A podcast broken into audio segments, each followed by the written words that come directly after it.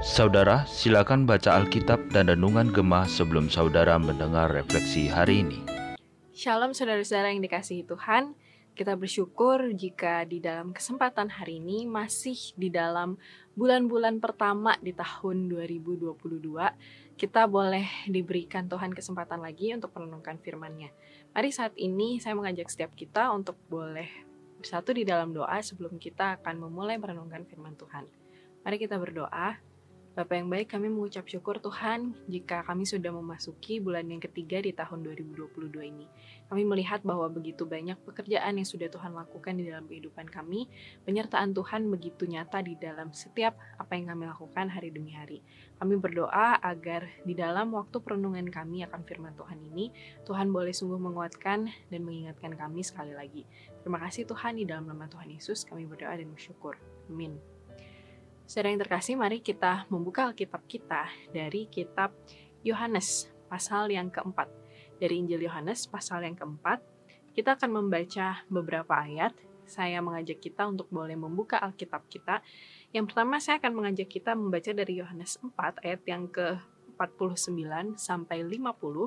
Lalu kita akan melanjutkan ayat yang ke-52 sampai 53. Yohanes 4 ayat 49 sampai 50. Pegawai istana itu berkata kepadanya, Tuhan, datanglah sebelum anakku mati. Kata Yesus kepadanya, pergilah, anakmu hidup. Orang itu percaya akan perkataan yang dikatakan Yesus kepadanya, lalu pergi. Ayat yang ke-52. Ia bertanya kepada mereka pukul berapa anak itu mulai sembuh. Jawab mereka, kemarin siang pukul satu demamnya hilang. Maka teringatlah ayah anak itu bahwa pada saat itulah Yesus berkata kepadanya, "Anakmu hidup." Lalu ia pun percaya, ia dan seluruh keluarganya. Saudara yang dikasihi Tuhan, bacaan Alkitab yang baru saja kita baca uh, sepenggal dari kisah uh, anak yang disembuhkan oleh Tuhan Yesus. Uh, ini membahas tentang tanda kedua dari kemesiasan Yesus Kristus. Tanda kedua ini dibuat Yesus Kristus di wilayah Galilea. Nah, saudara saat itu di Kapernaum ada seorang pegawai istana. Nah, pegawai istana ini menunjukkan bahwa dia memiliki sebuah relasi yang cukup dekat dengan raja pada waktu itu, yaitu Herodes. Nah, pegawai istana ini waktu itu anaknya sakit keras. Waktu itu demam bukan seperti zaman sekarang yang demam bisa dihilangkan uh, dalam waktu hanya sehari dua hari. Waktu itu demam merupakan salah satu penyakit yang cukup parah dan bisa menyebabkan kematian. Sehingga waktu itu ketika anaknya mengalami demam, itu dikatakan anaknya itu mati gitu ya, hampir mati bahkan sudah mati. Nah, Saudara, si pejabat ini yang punya relasi yang dekat dengan Raja Herodes ini, dia akhirnya mencari Tuhan Yesus. Dia mencari Tuhan Yesus karena mungkin dia sudah mendengar berbagai berita, kabar tentang Tuhan Yesus yang waktu itu bisa menyembuhkan orang sakit, bisa membangkitkan orang mati, dan melakukan tanda-tanda mujizat. Nah, saudara, pegawai istana ini akhirnya dia bukan mengirim utusan, dia bahkan datang sendiri menemui Yesus demi anaknya walaupun dia mau datang sendiri, walaupun dia mau memberikan dirinya untuk menghampiri Yesus pada waktu itu, tapi sikap pegawai istana ini mungkin karena dia orang belum percaya ya, dia belum sepenuhnya berserah. Dia belum sepenuhnya pasrah. Dia mengira Tuhan Yesus ketika dia datang kepada Tuhan Yesus, Tuhan Yesus harus ikut dia ke rumahnya. Tuhan Yesus harus datang ke rumahnya supaya anaknya bisa disembuhkan. Tapi kemudian Tuhan Yesus berkata apa? Tuhan Yesus menegur dan berkata ada di ayat yang 48. Jika kamu tidak melihat tanda mujizat, kamu tidak percaya. Tuhan Yesus berkata bahwa kalau si pegawai istana ini tidak percaya sepenuhnya tanpa Yesus harus datang ke rumahnya, maka dia belum sepenuhnya melihat tanda mujizat Tuhan Yesus. Maka akhirnya Tuhan Yesus berkata apa? Anakmu hidup. Anakmu hidup anakmu sembuh.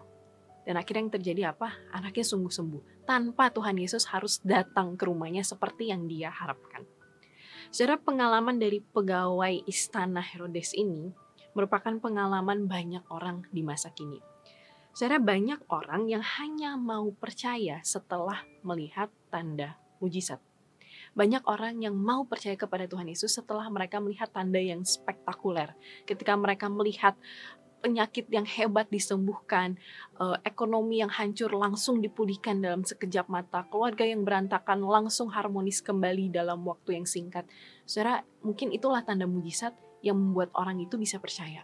Tapi tahukah saudara bahwa Tuhan Yesus itu bekerja justru dari tanda yang sangat kecil, dari hal sehari-hari di dalam hidup kita. Saudara-saudara, Tuhan Yesus menginginkan agar kita percaya walaupun belum melihat mujizat. Mujizat itu bukan tanda dari kebesaran iman. Mujizat juga bukan tanda dari kebesaran Kristus saja. Tapi saudara setelah Kristus bangkit dari kematian, dia berkata apa? Berbahagialah mereka yang tidak melihat, namun percaya. Saudara, kita tahu bahwa penulis Ibrani mengatakan iman adalah dasar dari segala sesuatu yang kita harapkan dan bukti dari segala sesuatu yang tidak kita lihat. Karena itu saudara, landasan percaya yang semestinya adalah iman. Landasan percaya yang semestinya adalah iman. Saudara mungkin ketika ada di daerah tertentu yang sama sekali belum pernah mendengar tentang Injil, sama sekali tidak ada orang Kristen di tempat itu. Mungkin memang kita butuh satu dua tanda mujizat Kristus untuk membuat mereka percaya. Butuh satu dua hal yang membukakan mata mereka bahwa Kristus itu sanggup bekerja melampaui ekspektasi dan batas-batas pikiran manusia. Tapi saudara ketika kita saat ini di hadapan Tuhan, di hadapan orang-orang sekitar kita yang mungkin banyak orang sudah percaya. Saudara, maukah kita melihat pekerjaan Kristus, melihat tanda-tanda kemesiasan Kristus itu dari hal sehari-hari? Dari iman kepercayaan kita, walaupun kita belum melihat mujizat secara nyata. Saudara-saudara, bagaimana dengan kehidupan kita saat ini? Di tengah banyak sekali ketidakpastian, di tengah banyak sekali hal yang kita gumulkan. Mungkin saat ini kita masih bergumul dengan pandemi, dengan Omikron yang masih naik turun, naik turun. Saudara, bagaimana hati kita di hadapan Allah? Bagaimana iman kepercayaan kita di hadapan Tuhan? Cara seorang penyanyi bernama Baby Mason, dia menyanyikan sebuah lagu judulnya Trust His Heart. Percayalah pada hatinya. Dia mengatakan begini, When you don't understand, when you don't see his plan, when you can't trace his hands, trust his heart. Ketika kita gak mengerti maksud Tuhan, ketika kita gagal memahami kisah apa yang ingin Tuhan rangkai dalam kehidupan kita. Ketika kita tidak bisa melihat tangannya, tetaplah percaya pada hatinya.